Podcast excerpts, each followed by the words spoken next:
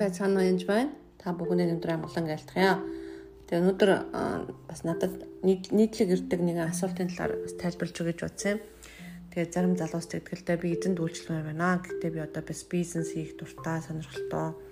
Аа бас улс төрч морох сонирхолтой байдаг юм аа. Тэгээд энээсээ болоод жоох хэцүү байдгаа гэж хэлжсэн. Аа тэгээд энэ талаар би Даниэлийн Даниэл намаас та бүхэнд уншиж өгье гэж бодсон юм аа. Тэгэхээр энд болохоор Небухаднецар гэдэг хаан бүсэл даваад Вавилоны хаан байгаа. Тэгээд тухайн үед бол Вавилон хамгийн хүчрэг гүрэн энийг байсан байгаа. Тэгээд тайгнуудаас сувжд гэр бүлээсээ язгууртнуудаас оролцуулан Израилийн хүүдэд зармыг нь хаан дуулчлахаар авчирч байгаа. Тэгээд шаардлага тавьсан нэгдүгürt нь тэд бие махбодын талаар соггүй, согог байхгүй тий. Үзэсгэлэн төгс, мэрэгэн ухааны бүх салбарт гаргуу тийгээд ойлгоц ба ялган салгаж чадвар заяасан хааны ордонд үйлчлэн зүтгэж чадвартай залуус байх ёстой гэж. Хаан тэдэнд халдаачдын хил уран зохиол заахыг тушаасан.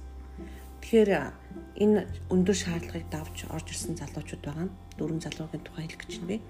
Тэгээ тэд нэр зөвхөн энэ согоггүй бие махбод нь сайн төс мэрэгүү ухаантай бүгд бүх салбарт мэрэгүү ухааны бүх салбарт гаргууд байна. Дээрээс нас хил уран зохиол заах ёстой. Тэгэд энэ хүмүүсийг олж авчирсны дараа хоол хүндэн доор тайлаад болж байгаа юм л та.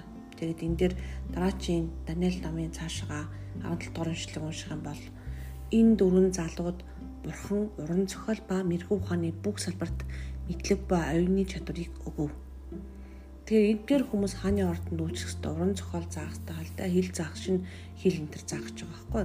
Тэр энэ хүмүүс зориулаад бурхан энэ дөрвөн залууд бурхан уран зохиол ба мэрэгэн ухааны бүх салбарт мэдлэг ба оюуны чадварыг өгөв.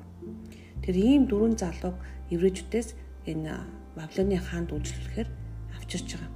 Тэр эдгээр дөрвөн залууг нь бас нэр шинэ өгч Даниэл, Ханания, Мишель, Азрэ гэж залуу байна. Тэгээд Вавилоны шинэ нэр өгч байгаа юм л да. Бидний нэрийг хар үндэстэнд очоод солигдоод тэгээд байгаа. Тэр энэ хүмүүсийг хааны ордонд үйлчлүүлэхийн тулд мэдээж олон шалгуур тавьсан байна. Нөгөө талд нь эдгээр хүмүүст бурхан яасан байна. Уран зохиол ба мэрэгэн ухааны бүх салбарт мэдлэг оюуны чадварыг өгсөн байна. Тэгэхээр Даниэл дээрэс нь бас нэмээд Даниэл бүх төрлийн бүзэгдэл хийгээд зүудийг ойлгодог байлаа Тэгэхээр бас хүнслэг имийг хүртэл мэдэх байсан байна. Чадварыг өгсөн гэсэн. Тэгээд тэднийг танилцуулахад бэлтгэх бэлтгэхээр хааны дотоодсон өдрүүдийн эц тайгнуудын тэргүүнд тэднийг Небухаднецарт бараалгууллаа. Хаан тэдэнтэй ярилцсан тэд бүгдийн дотроос Даниэл, Ханания, Мишель, Азриа нартай энэ тэнцвэргүй нэгж байсангүй. Тэд хааны хувийн үйлчлэлд орлоо хаан тэдэндээ мэрэгүн ухаан болон мэдлэгийн бүхэл асуудлаар зөвлөдөж үзэхэд өөрийнх нь хаан тулсан дотор буу хамаг илвчин зурхаачнаас 10 дахин илүү болохыг нь олж мэдлээ. Үнэхээр энэ хүмүүс бол Даниэл зөвхөн зүүд нор тайлхаас гадна хааны ордонд үйлчилж байгаа. Тэгээд бас хил уран зохиол зааж байгаа. Аль аль нь хийж байгаа. Тэгэхээр бурхан биднийг сүүл үр толгой болно гэж хэлсэн 10 дахин илүү болж бүр өөрчилсөн байна энэ хүмүүсийг. Тэгэхээр бусдаас 10 дахин илүү гэж байна. Бусдаас хааны ордын хааны чинь ордонд ажилладаг хамгийн шилдэг хүмүүсийг авчирч байгаа байхгүй. Тэгэхээр улс орон дотор байгаа хүмүүсээс 10 дахин илүү биш. Бүр хааны ордонд орсон шилмэл хүмүүсээс нь 10 дахин илүү мэрэгэн ухаантай байгаа. Тэгээ ярилцаж үзсэн хаантай яриад нэрийг яасан байна. Харьцуулсан байна. Тэгэхээр та бүхний дуудлага хаана байгааг би хэлж мэдгүй бурхан танд ямар чадварч өгсөн байж магадгүй хэл уран зохиол уу математикгүй те эсвэл улс төрийн салбар руу хууль руу ангаахын салбар руу хэлж мэдгүй тэм чадварууд өгсөн ба хажуугаар нь бас сүнслэг бэлэг авьяасуудыг өгдөг байгаа.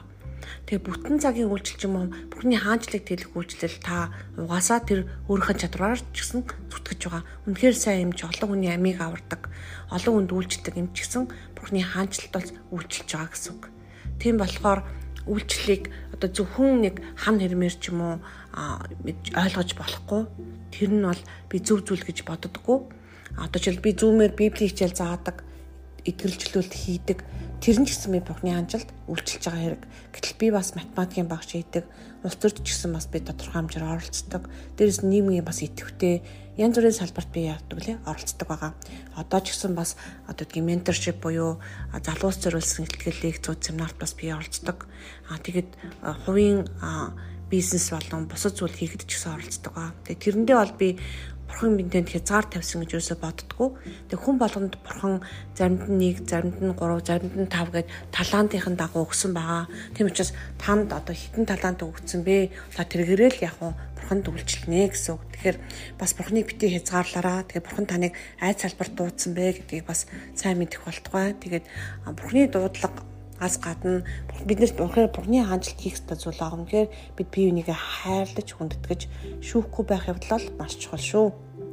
Тэгээд эзнээс танд бэлэг аваас өгсөн бол бас талархаараа. Тандас авиа чадвар өгсөн бол бас талархаараа. Тэгээд танд подкастыг минь сонсож байгаа танд үнэхээр их баярлалаа. Бас бусадтай хуваалцаараа баярлалаа.